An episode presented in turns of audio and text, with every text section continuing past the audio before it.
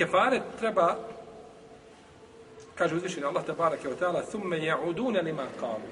Potom se vrate od onoga što su kazali. Šta znači da se vrate?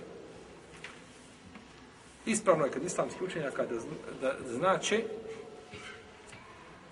da čovjek nakon što izgovori riječi zihara, da treba poželjeti, znači ima namjeru, nije želja da ima znači odnos sa suprugom. Ako ima taj odnos, znači odnos, tu namjeru treba znači da se treba se iskupi. A iskupina biva sa jednom od tri stvari. Odnosno, ne tako. Nemojte tako pisati. Nije iskupina. Nego poništenje zihara biva sa jednom od tri stvari. Znači, zihar se poništava sa jednom od tri stvari. Prvo se poništava iskupinom. Znači, da se iskupi čovjek da oslobodi roba ili da posti dva mjeseca ili eventualno da nahrani 60 siromaha, znači onoga ko nije u stanju da uradi prvo, potom drugo, pa ako nije, onda treće.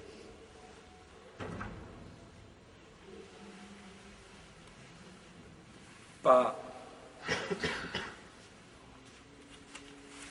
ove tri stvari, znači, su predmet jednog mišljenja kod islamskih učenjaka po pitanju prestanka zihara. Prvo je, znači, da oslobodi roba ili robkinju, znači, da oslobodi robstvo. I to je danas teško, jako teško. A kada smo kazali i nemoguće za mnoge ljude, jer robova je jako malo.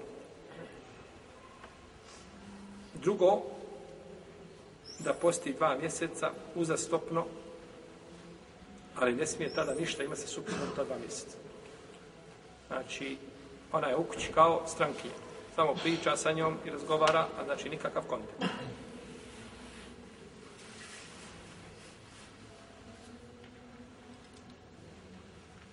Ovo su, e, što smo mi kazali? Čili da se stavlja uh, van snage, nemojte staviti van snage, prekrižite. Pišite da je to, to su, e, to je iskupina. Mi govorimo o vrstama, iskup, kako se može iskupiti. Znači, na tri načina, ovaj, bez razilaženja među islamskim učenjacima. Znači, prvo je šta?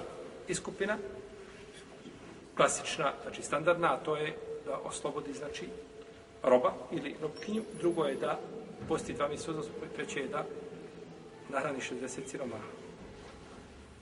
I zato hadis Suleman ibn Sahran, njega smo spominjali, da je došao poslanik, sa osvijem, kaže, uradio sam tako i tako, kaže, oslobodi roba. Kaže, ne mogu, posti dva mjeseca, kaže, ne mogu, nahrani 60 siromaha, kaže, nema malo poslaniča. Pa je znači poslanik sa sam išao ovim redosledom. Isto tako, eh, Huayla bintu Salebe, kada je došla poslaniku sa osvijem, i žalila se na svoga, jeli supruga, Eusa bin Samita, a, a on je bio njen Amidžić. Pa je rekao poslanik, sallam, boj se Allaha i budi pokorna svojim Amidžiću, jeli? Pa je uzvišen Allah tabarak je teala objavio kad sem je Allahu kao lati ti tu džadiru fi za uđiha u teštaki i Allahu jesno te. Objavio je uzvišen Allah tabarak ta'ala da je čuo riječi one koja se jedala poslaniku sa osvrna svoga muža. Želim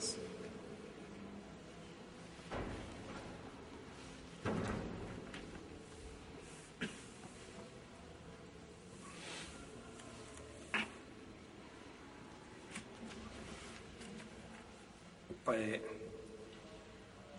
traženo da oslobodi roba, pa je kazala Allaho poslaniče, on to ne može. On to ne može. Znači, on isto tako što je uradio, znači kao i ovaj prethodni. Pa ona je govorila, kaže, nakon što je ovaj, kaže Allah poslaniče, uzeo je, kaže, moju mladost. I sada me nakon toga ostavi. To je zahvala šta? Suproz, je tako?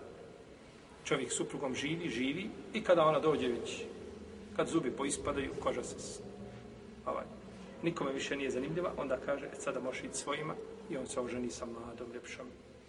To je zahvala, to je džezao sin mar. Onaj što je gradio kulu, kad je se gradio najveću kulu, onda ga ovaj bacio sa kulu. To vam je to.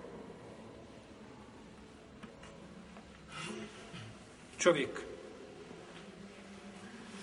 uzme ženu u auto i odvede u porodilište i ode i oženi se. To je dobročinstvo. To je dobročinstvo prema ženi. Ona ošla, porađa se, a ti otišao i ženiš se. Tačno, u šerijetu ima neke stvari koje su halali, koje su dozvoljene. Jeste. Ali taj halal ima svoj put, ima način. Čovjek treba imati osjećaja da radi sa Allahovim robovima, a nije, sa, nije komad kamena.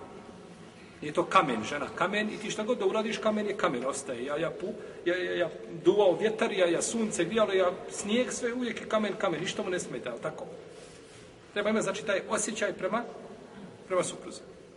Tebe niko neće spriječavati onome što uzvišen je Allah dozvolio ako si ispunio uvjete da se, jeli, to uradi. A ti što ispunjavaju uvjete, u jednoj metropoli možete ih prebrojati na prste jedne ruke nakon što ti cikular odsjeće tri prsta.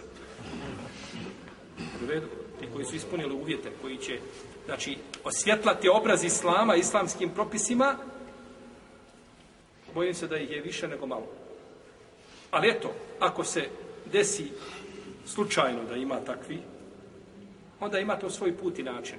Pa to nije dobročinstvo. Pogledajte ovdje uzvišenje Allah zažel kaže Allah je čuo riječi one koji se jadala na svoga supruga. Koliko uzvišeni Allah zažel dova čuje od žena kada dovi protiv svoga muža. Bez sumnje ikakve, jel?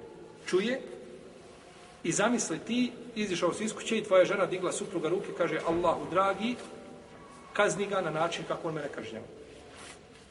I to uzvišeni Allah zažel čuje. I šta misliš da je ona u pravu ili da je dio a, ima dio prava i slično tome i čini dugo Allahu te barek tala protiv tebe.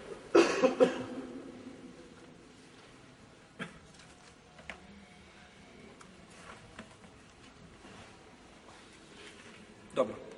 Kaže, neka posti, neka oslobodi roba. Kaže, ne može Allah postići. Neka posti dva mjeseca. Kaže, on je stariji, ne može. Kaže, neka nahrani 60 siroma. Kaže, nema ništa. Nema dakle nahraniti 60 siroma. Pa je donesena jedna posuda sa datulom poslaniku, sallallahu alaihi sallam. Pa je time, znači, rečeno da nahrani siroma. I naredio poslanik, sallam, da mu se vrati nazad.